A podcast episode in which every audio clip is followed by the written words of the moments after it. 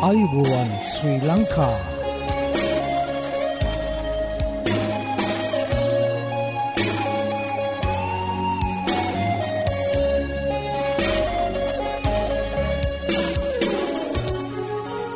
ඔබට සුපදවස මේ ඇඩවෙන්ටිස් වර්ල් රේඩියෝ බලාපොරොත්වය හඬයි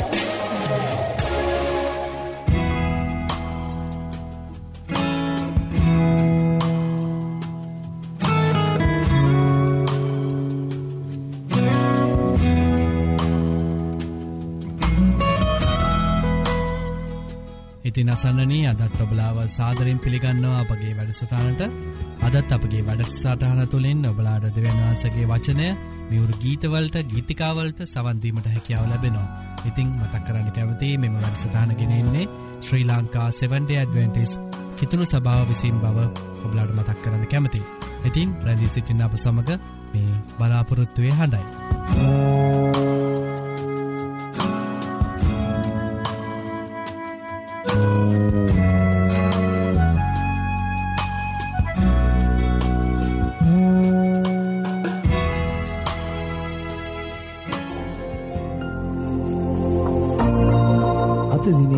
බයිබල් පාටය ජේසුස් වහන්සේ යහපත් එඩෙරානොය එහෙයින් යළිත් ජේසුස් වහන්සේ ඔවුන් අමතා ඒකාන්තයෙන්ම මම ඔබට කියමි. බැටලුවන්ට දොරටුව මමය. මට පළමුුව ආසියල්ලෝම සොරුද කොල්ල කන්නෝද වෙති. බැටලුවෝ ඔවුන්ට ඇහුම්කන් නුදුන්හ. දොරටුව මමය මාතුලින් යමෙක් ඇතුළු වන්නේද ඔහු ගලවනු ලැබ ඇතුළට හා පිටතට ගොස් ආහාර ලබන්නේය. සොරා එන්නේ සොරකම් කරන්ටත් මරන්ටත් විනාශ කරන්ටත් පමණකි. මා පැමිණියේ ඔවුන් හට ජීවනය ලැබෙන පිණිසය. සපුරාම එය ලැබෙන පිණිසය. මම යහපත් එඩේරා වෙමි. යහපත් එඩේරා තම ජීවිතය බැට්ලුවන් උදෙසා පූජා කරන්නේය. එඩේරකු නොවන එසේම බැට්ලුවන්ගේ අයිතිකාරයාද නොවන කුලීකාරයා වෘර්කයා එනු දැක බැට්ලුවන් හැරදමා පලා යන්නේය. වෘර්කයාද උන් වෙත කඩා පැන විසිරුවා හරින්නේය. ඔහු පලා යන්නේ ඔහු කුලීකාරයකු වන නිසාත් බැට්ලුවන් ගැන සැලකිල්ලක් ඔහුට නැති නිසාත්ය. මම යහපත් බැට්ලු එන්ඩේරා වෙමි. මම මාගේ බැට්ලුවන් අඳුනමි. ඔහු හූද මා අඳුනති. පියාණන් වහන්සේ මාද මා පියාණන් වහන්සේද අඳුනන්නාක් මෙන් මම මාගේ බැට්ලුවන් අඳුනමි. බැට්ලුවන් උදෙසා මාගේ දිවි පුදමි. තවද මේ රැලට අයිති නොවූ අන් බැටලුවෝද මට ඇත්තාහ. මා ඔවුන්ද ගෙන ආයුතුය. ඔවුන් මාගේ හඬට ඇහුම්කන් දෙති. මෙසේ එක රැලක්ද එක එඩේරෙක්ද වන්නාහ. ශුද්ධ වූ යොහන් දහවෙනි පරිච්ෂේතේ හත්වන පදේ සිට දාසවෙනි පදය දක්වා.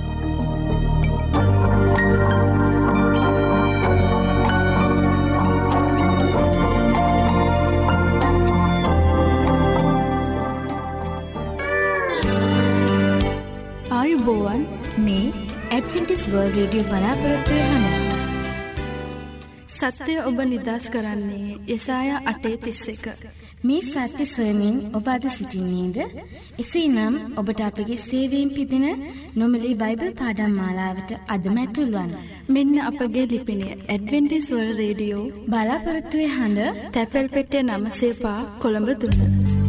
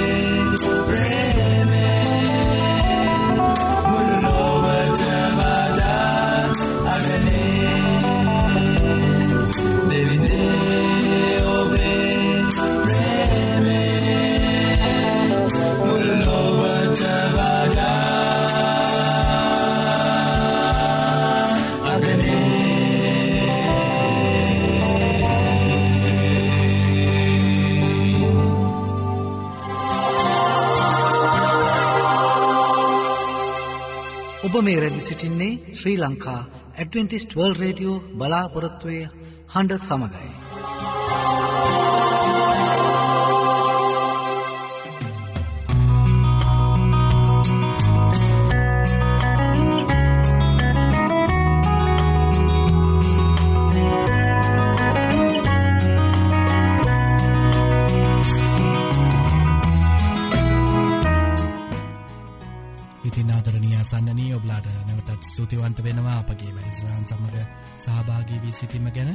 අද දවසේ ඔබලාට දෙවියන් වහන්සේගේ වචනය ගෙනීමට පැමිණ ඇත්තේ ගෝපිනාත් දේවගතිතුමා. ඉතින් මෙතැන් පටන් ඔහු ගෙනෙන්න්නා වූේ දෙවන් වහන්සේගේ වචනවලට අපි අහුම් කන්තීමට සූදානම්යව නැදී සිටින් අප සමඟ මේ බලාපොරත්තුවේ හඬ. අයිබෝවන් ඒවගේම සුබ දවසක් සෑම කෙනාටම. අද දවසේදී කතා කරන්නට යන්නේ ඇයි අපේ ජීවිතය ගැටලු එවගේම මේ ප්‍රශ්න එවගේම අපිට ඇයි මේ ගොඩාක් පීඩා එන්නේ කියන කාරණාවන් ගැන අපි කතා කරන්නටන එවගේම අපි බලන්ටයනවා ඒ බයිබලේ චරිතයක් ගැන. ඒ ඔහුට කෝමද ඒ බාධා පීඩා ආවේ? ඒ තුළින් ඔහු කෝමද ජයගත්තේ? උන්වහන්සේ ඔහුට කෝමද හුට ආශීර්වාද කළේ කියන කාරණාවන් අපි අද බලන්ටයනවා. ඉතින් ඔබලාගේ බයිබල් පෙරලගණ්ඩ මාත එක්කම ජෝබ් පළවෙනි පරිච්චේදී. ඉතින් මේ අපි මේ අද කතා කරන්නට යන්නේ මේ ජෝබ්ගේ ජීවිත කතාව. ඉතිං අපි සමහරලාට කලකිරෙනවා ඒ අපේ ජීවිතය තුළ යම්කිසි කරදර පීඩාවක් ආපුගාම අපේ ප්‍රශ්න අහන උන්වහන්සකින්. ඇයි ස්වාමිනි මේ දේවල් මට වෙන්ට සිදුවන්නේ. ඇයි මෙච්චර දෙයක් මට සිදුවන ඇයි මගේ පවුලට මෙහෙම දෙයක් සිදුවනේ එමනත්තම් මගේ සමාජයට ඇයි මෙහෙම දෙයක් සිදුවනේ එමනත්තං අහනවා ඇයි මගේ සෞදර සෞදරය මගේ ආචිසියට මේ වගේ තර්ජනයක් සිදුවනේ කියන කාරණාවන් අපි බොහෝ අවස්ථාවලදී අහනවා. ඒවගේම අපි අහනවා උන්වහන්සේ බලවත්නම් උන්වහන්සේට හැම දෙයක්ම කරන්ට පුළුවන්නම් උන්වහන්සේට හැම දෙයක්ම පේනවන ඇයි මේ වගේ පීඩාවන් අපේ ජීවිත තුළට එන්ට දුන්නේ? මේ වගේ සමහර අවස්ථති මේ වගේ කරුණු කාරණ අපි උන්වහන්සගෙන් බොහෝදුර බොහ අවස්ථාවල්දි.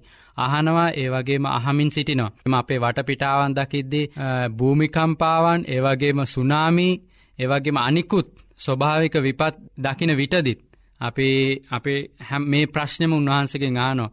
උන්වහන්සේ බලවත්නං ඇයි අපිට මේ දේවල් සිද්ධ වෙන්න ඇයි මේ මනුෂ්‍යන් මෙහම විනාශ කරන්නේ ඇයි කියන කාරණාවන් අපේ උන්වහන්සගේ නිතර නිතර අපේ ජීවිතයේදී අහනවා. ඉතින් මේ ජෝබ්ගේ කතාව ජෝබ්ගේ කතාව ඉතා වටින කතාවක් සමහරාය මේක මනක් කල්පිත කතාවක් කියලා විශ්වාස කරන නමුත් අපි ක්‍රස්ටයානිකාරයන් හැටියට අපි විශ්වාස කරන මේ ජෝබ්ගේ කතාව ඇත්ත සිදුවීමක් බව අපි විශ්වාස කරන. මේ කතාව සිදුවනෙත් ගොඩාක් කාලෙකට ඉස්සරදි. මේ කතාව සත්‍ය සිදුවීමක් බව අපේ විශ්වාස කරන. ඉතිං අපි ජෝබ්ගේ කතාව කියවොත් ජෝබ්ගේ පොතේ පලනි පරිච්චේදී. ඒ පොත තිබෙන්නේ ඒ එස්තර්ගේ පොතට පසුව ඉතිං යෝබ්ගේ පලවෙනි පරිච්චේදී අපි කියවොත් යෝබ් නම් මනුෂ්‍යෙක් ඌස් දේශයේ සිටියේය.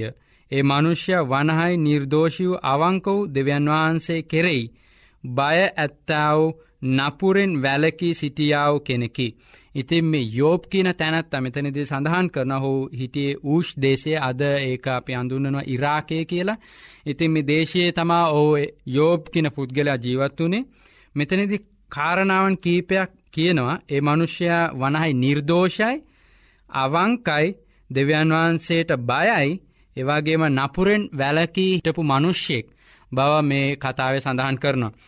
ඉතිං මේ වගේ පුද්ගලයකුට කරදර පැමිණියාම කොයිතරම් දුකක් දැනෙනව ඇතිද අපි අපි බැලුවොත් මේ කතාව අවසානයේදී ඔවුට පීඩා ගොඩාක් එනවා දෙවියන් වහන්සේ ඒ තුළින් පීඩා තුළින් ඔව ශක්තිමත් කරමින් ඒවගේම ඔහුට අවසානයද ඔට ආශීර්වාද ලබා දෙන බව කියවන්ට පුළුවන්.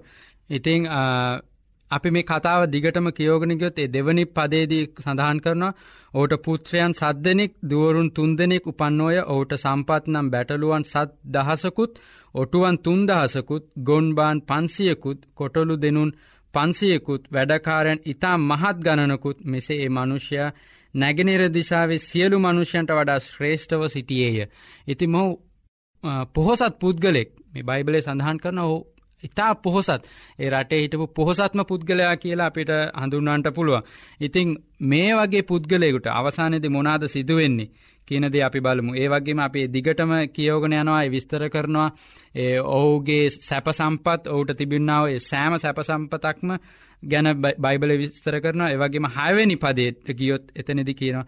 තවද එක් දවසක දෙවියන් වහන්සේගේ පුත්‍රයන් ස්වාමින් වහන්සේ ඉදිරියෙහි පෙනී සිටියන්ට ආකල්ලි සාතන්ද ඔවුන් අතරෙයි ආයේය. දැන් මෙතනිදි කතාවෙද සඳහන් කරනවා ඒ දෙවියන් වහන්සේව හම්බෙන්ඩ ඒ සාතන් යනවා කියලා. එවිට උන්වහන්සේ නුබ කොතනට කොතන සිට ආයේදයි සාතන්ගින් ඇසූසේක. සාතන් ස්වාමින්වහන්සර උත්තර දෙමින් පොළොවෙහි ගමන්කොට ඔබ මොබ ඇවිද ආවේමී කීවේය.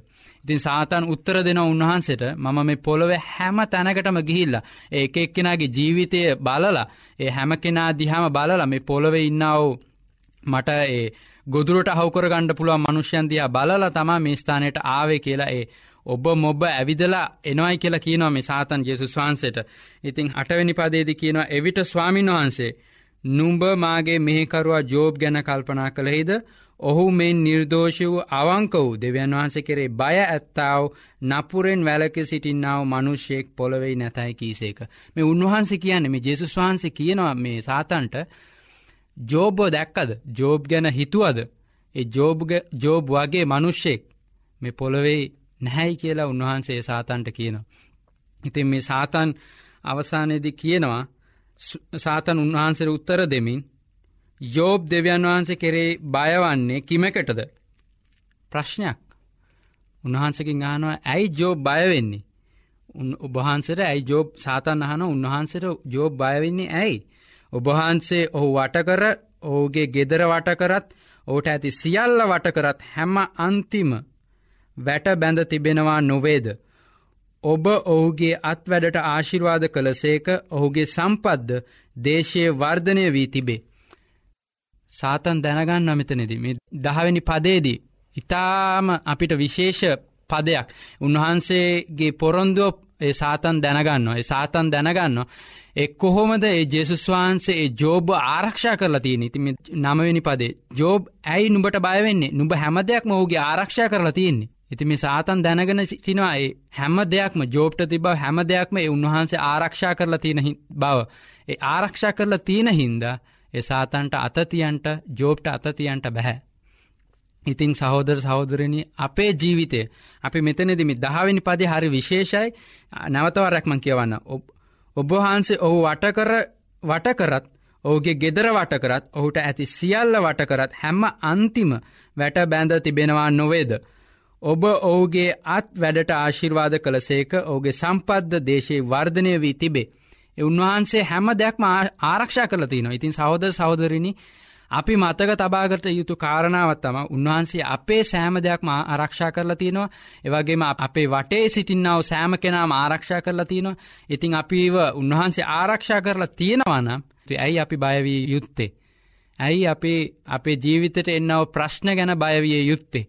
උන්වහන්සේ අපි ආරක්ෂා කළ තින. ඒ බව සාතන් පවා දන්නවා උන්වහන්සේ ඔබවත් මාවත් ඒ ආරක්ෂා කරලා තියෙන බව ඒකයි සාතන් අහන්න ඔබ ආරක්ෂා කරලා තිනවන මට ජෝබ්ගේ පිටතට අතතියන්ට බැහැ ඒ කාරණාව සාතන් හොඳට දැනගෙන හිටිය.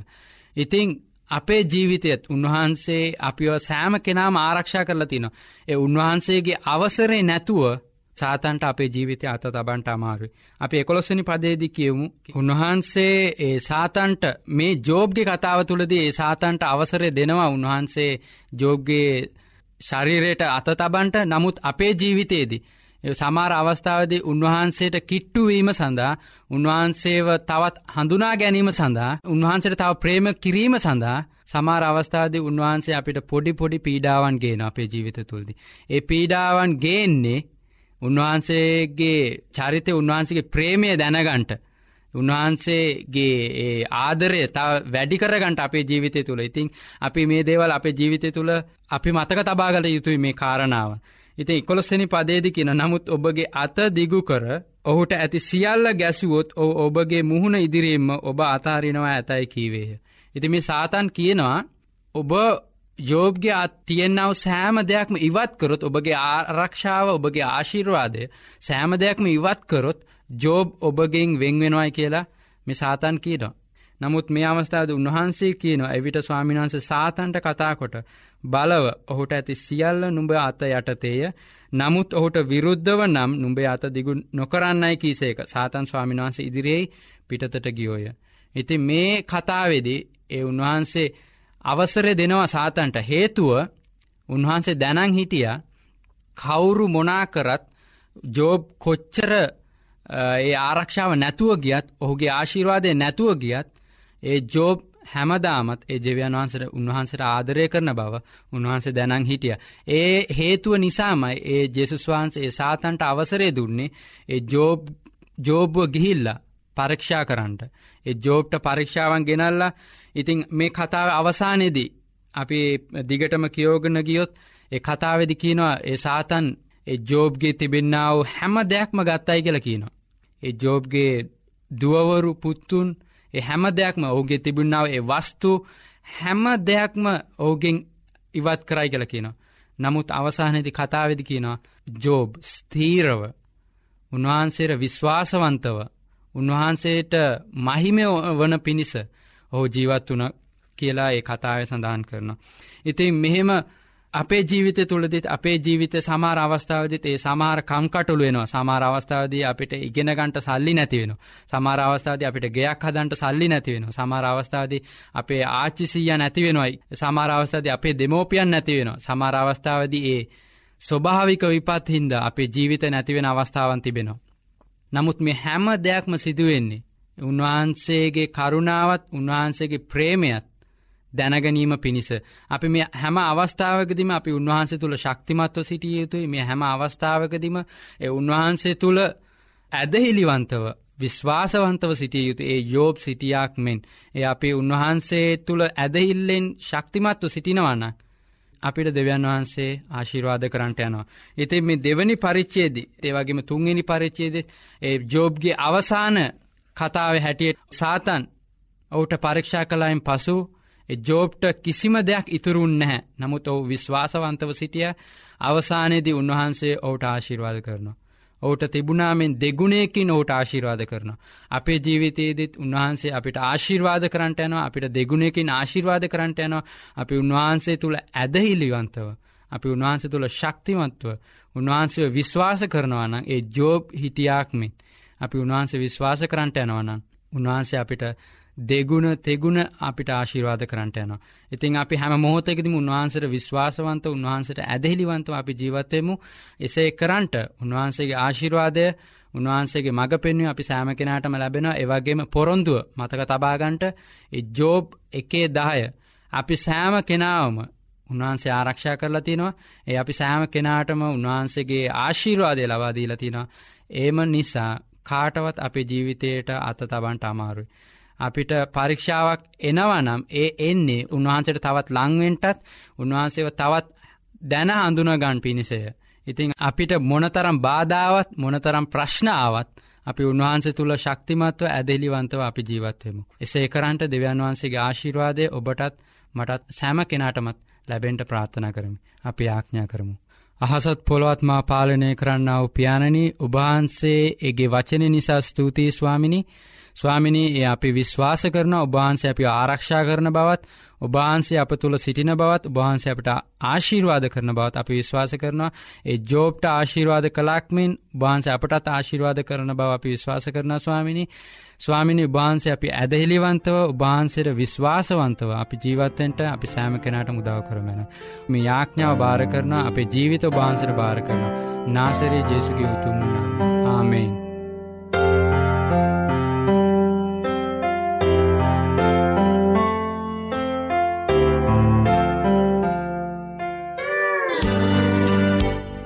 ආයුබෝවන් මේ ඇඩ්වෙන්ටිස් වර්ල් රේඩියෝ බලාපොරොත්තුවය හන්න. සත්‍යය ඔබ නිදස් කරන්නේ යසාය අටේ තිස්ස එක. මේ සත්‍ය සොයමින් ඔබ අද සිසිින්නේද. එසේ නම් ඔබට අපගේ සේවීම් පිදින නොමිලි බයිබල් පාඩම් මාලාවට අදමැතුල්වන්. මෙන්න අපගේ ලිපිනේ ඇඩවෙන්ටිස්වල් රේඩියෝ බලාපොරත්තුවේ හඬ තැපැල් පෙටිය නමසේපා කොළඹ දුන්න.